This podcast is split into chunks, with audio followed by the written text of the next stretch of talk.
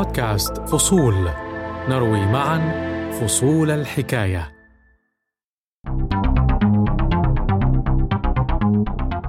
الثراء السريع. هكذا. في غمضة عين. لا ليس بربح اليانصيب ال lottery. ففرصة أن تفوز بال lottery قد تصل إلى واحد من ثلاثمائة مليون. لكن هناك من وجدوا طرقا أخرى. هذه إحداها. البيتكوين.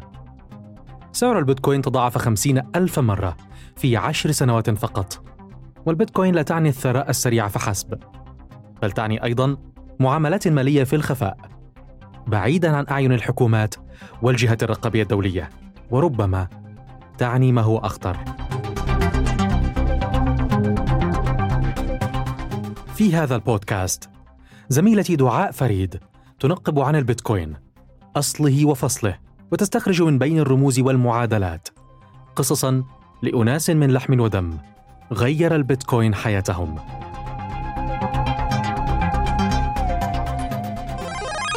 حكايتنا يا محمود فيها فتاة لبنانية غيرت 60 دولارا حياتها.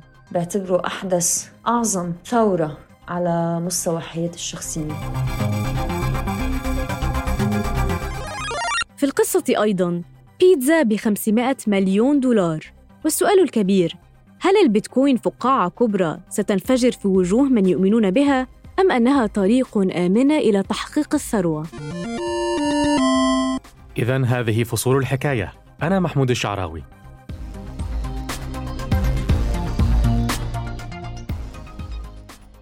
كنت صغيرا في يد جدتي يوما وفي طريق العودة من السوق أشارت جدتي إلى بيت النصف مهدم وقالت لي إن هذا البيت كان بيت أبيها وكان بيتا عامرا يأتيه الخير من أماكن شتى وقصت علي أن سيدة كانت تأتيهم بخبز مصنوع من دقيق الذرة والقمح وأنهم كانوا يقايضونها بما تيسر عندهم من جبن وقشطة وسمن وأنهت كلامها بأن القرش كان عزيزا لكن فيه بركة. تقصد بالقرش العزيز أن النقود كانت قليلة فكيف كنا وإلى أين وصلنا يا دعاء؟ الذي وصفته جدتك يا محمود اسمه المقايضة. البشر تعاملوا بمقايضة السلع والخدمات حتى وقت ليس ببعيد. مشكلة المقايضة أنها تعتمد على مبدأ تصادف الحاجة The coincidence of wants. يعني جدتك كانت تريد خبز القمح والذرة والسيدة التي تبيعه تريد السمن والجبن فحصل التبادل. لكن هذا لا يحدث في كل الحالات. وهذا يبرر الحاجة لوجود وسيط مثل النقود. قبل النقود كان الذهب هو الوسيط ثم بعد ذلك أتت الأوراق النقدية لصعوبة حمل الذهب إلى كل مكان. أنا أفهم حاجة العالم إلى النقود بدلاً من نظام المقايضة أو حمل الذهب.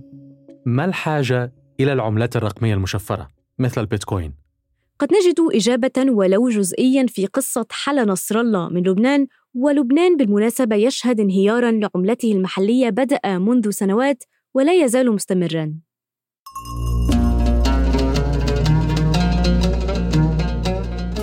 وقت اتذكر طفولتي ما بتذكر محطات سعيدة أبدا.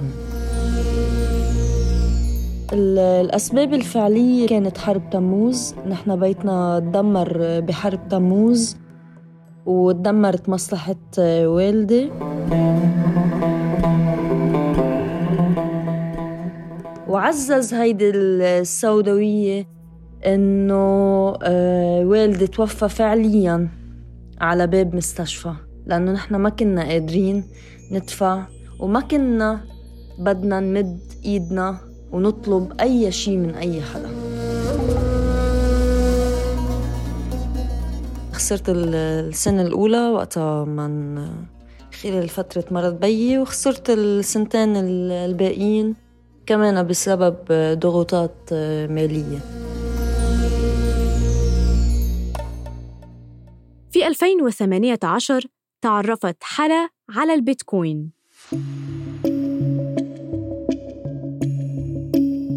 وبفترتها صار عندي هيدا المخطط إنه كيف بقدر أحصل على بيتكوين وشو لازم أعمل.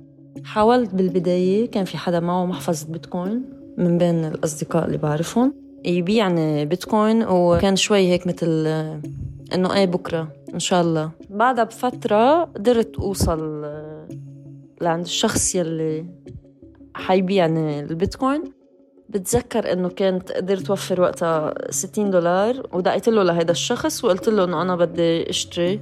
فاكتشفت إنه بياخذوا هن فرق عمولي 5 دولار. وقتها قلت لا أنا مقررة أشتري ب 60 دولار. فضليتني ناطرة شهر زيادة لصاروا 60 دولار. كان سعره 6500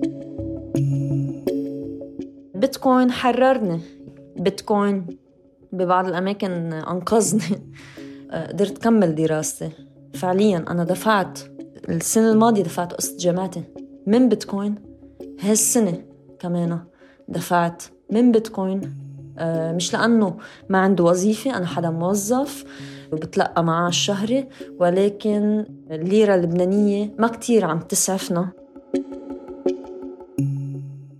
يعني حلا رأت في البيتكوين استثمارا واستفادت من ارتفاع سعره لاحقا. العالم مليء بالاستثمارات. ما الجديد الذي أتى به البيتكوين؟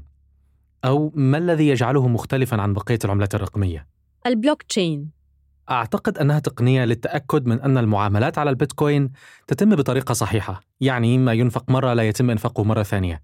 ال double spending ولكني لا أعتقد أن لدي الصورة كاملة. أحتاج المزيد من التفسير. سأنقل لك كلام دكتور بن جورتسل الباحث في مجال الذكاء الاصطناعي. جورتسل يقول إن تقنية البلوك تشين ستغير وجه الإنترنت وأن البيتكوين ما هو إلا أحد تطبيقاتها البسيطة لأن البلوك تشين تجعل الإنترنت لا مركزياً وديمقراطياً.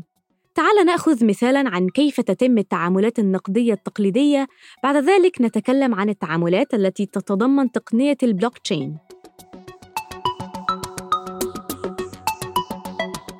عندما تكمل عملية شراء شيء ما من أمازون وتدفع؟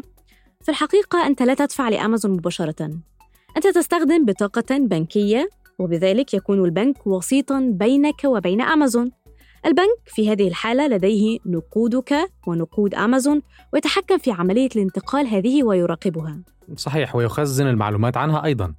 نظرياً البنك والبنك المركزي له سلطة كبيرة على نقودك ومعلوماتك. إذا كيف تختلف تقنية البلوك تشين في مقابل ما يفعله البنك؟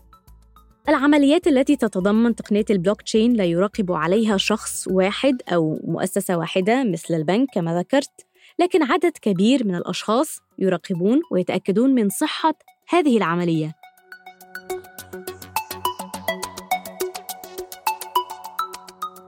من الذي اخترع هذه التقنية؟ ساتوشي ناكاموتو ولا نعرف إذا كان شخصاً فردا واحدا أو مجموعة أفراد. فهذا الرجل أو تلك المجموعة غامضون تماماً. في عام 2008 نشر ناكاموتو ورقة على الإنترنت باستخدام بريد إلكتروني مشفر. هذه الورقة تدعى ال white paper. الورقة البيضاء هذه يحفظها محب البيتكوين عن ظهر قلب لأنها تتضمن شرحاً مفصلاً لبروتوكول البيتكوين. أما أول عملية شراء بالبيتكوين تمت في 2010 عندما دفع رجل من فلوريدا لرجل آخر من بريطانيا عشرة ألاف بيتكوين مقابل اثنين بيتزا من بابا جونز. هذا يعني أن تلك الوجبة اليوم تساوي أكثر من 500 مليون دولار. بالتأكيد أغلى وجبة في العالم.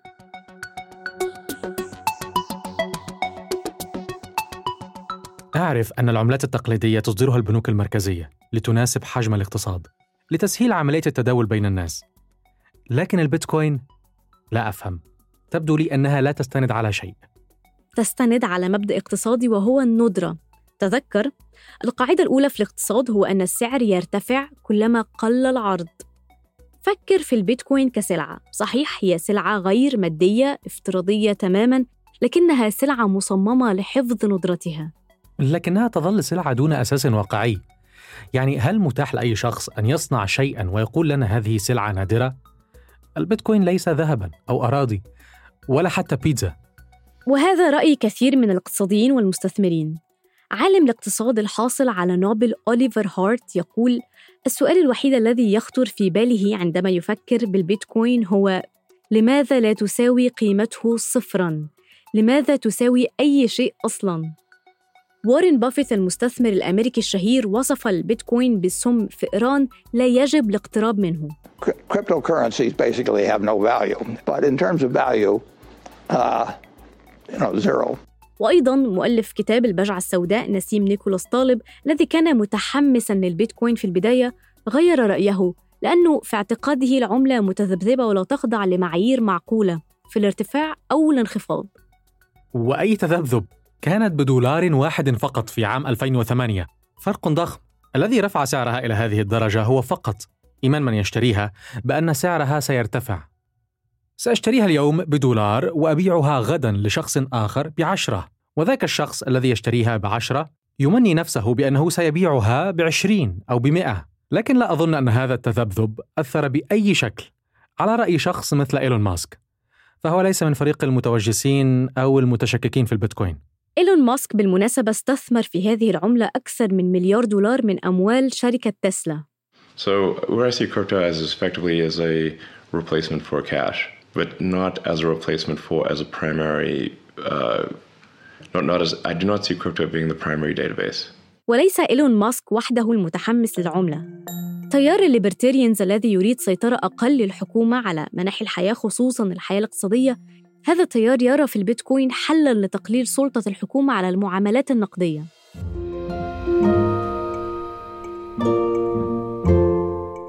على سبيل المثال في كينيا تطبيق امبيسا في كينيا تتم عليه معاملات نقدية كبيرة إلى أن تكون دولة بلا كاش. كذلك الحال أيضا في الدول الإسكندنافية. لكن هذا العالم الذي لا توجد فيه نقود ورقية مسيطر عليه من قبل الشركات الكبرى والبنوك الكبرى.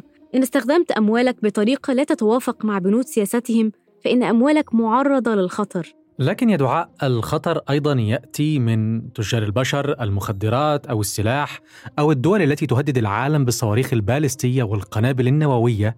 سيجدون جميعهم ملاذا امنا في البيتكوين وغيرها من العملات المشفرة. وزارة الخزانة الأمريكية تقول عن البيتكوين إنها عملة متقلبة وتعتمد على المضاربة ويمكن أن تتسبب في خسائر للمستثمرين. هل لدينا تقديرات عن حجم هذا السوق؟ شبكة البيتكوين فعلا شديدة التأمين والسرية حتى أنه من الصعب أن تعرف معلومات مثل كم عدد من يمتلكون البيتكوين أو كم عربي اشتراها كل ما نعرفه أن 2% من مالك البيتكوين لديهم 95% من الأصول الرقمية من هم الاثنان بالمئة؟ لا نعرف وهذا صحيح أيضا بالنسبة للمئات من العملات المشفرة. البيتكوين ليس العملة الوحيدة على الإنترنت. صحيح يوميا تظهر لي إعلانات تعرض الاستثمار في عملة مشفرة جديدة هذه العملات تتكاثر دون ضابط الآن هناك 6700 عملة مشفرة مختلفة إلى هذه الدرجة؟ قيمة جميع العملات المشفرة الموجودة اليوم تقترب من تريليوني دولار هذا الرقم تقريبا يعادل حجم اقتصاد كندا وقيمة جميع وحدات البيتكوين الموجودة اليوم تقترب من 970 مليار دولار أي ضعفي حجم الاقتصاد المصري العالم يتغير هل للبيتكوين مستقبل؟ أم أنها مجرد فقاعة ستنفجر وتنتهي يوما ما؟ مازن إرشيد خبير اقتصادي من الأردن يرى أن السبب وراء ارتفاع أسعار البيتكوين هو أن الأسواق بها فائض سيولة. أنا ما بتوقع أنه آه، البيتكوين تحول إلى ملاذ آمن. آه، هو فقط آه، طفرة. أنا ما بتوقع أن تستمر إلى ما لا نهاية. لا توجد شركات عربية حتى هذه اللحظة حسب علمي أنه بتتعامل أو سوف تتعامل مع آه، آه، العملات المشفرة آه، بشكل مباشر. لكن أكبر بنك استثمار في أمريكا جي بي مورغان الذي كان معارضاً للعملة في البداية الآن يتوقع أن يصل سعر البيتكوين إلى 150 ألف دولار للوحدة بل وينصح بالاستثمار به. وهناك أيضاً أفراد يقبلون على شراء أجزاء صغيرة من البيتكوين. كل هذه عوامل تدفع سعر العملة إلى الارتفاع.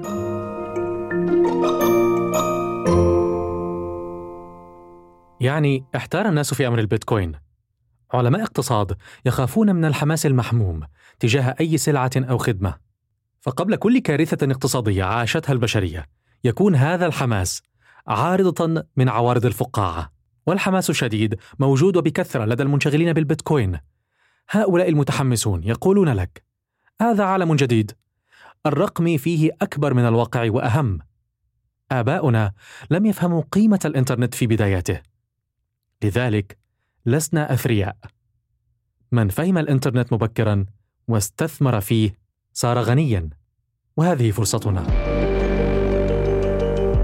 ويظل السؤال معلقا هل البيتكوين فقاعة أم ثورة؟ وحين تحين الإجابة لك أن تختار. حلا نصر الله اختارت إجابتها بوضوح. أنا بالنسبة إلي إنه التحدي الأكبر هو إنه يصير كل شخص يمتلك بيتكوين، ما بهمني أنا يوصل سعر البيتكوين لمليون دولار قد ما بهمني شوف إنه خيي الصغير معه محفظة بيتكوين وأمي معها محفظة بيتكوين. هي فكرة إنه نحن نحمل هيدي العملة اللي كتير راهنة وكتير مشاكسة هي بحد ذاتها الثورة.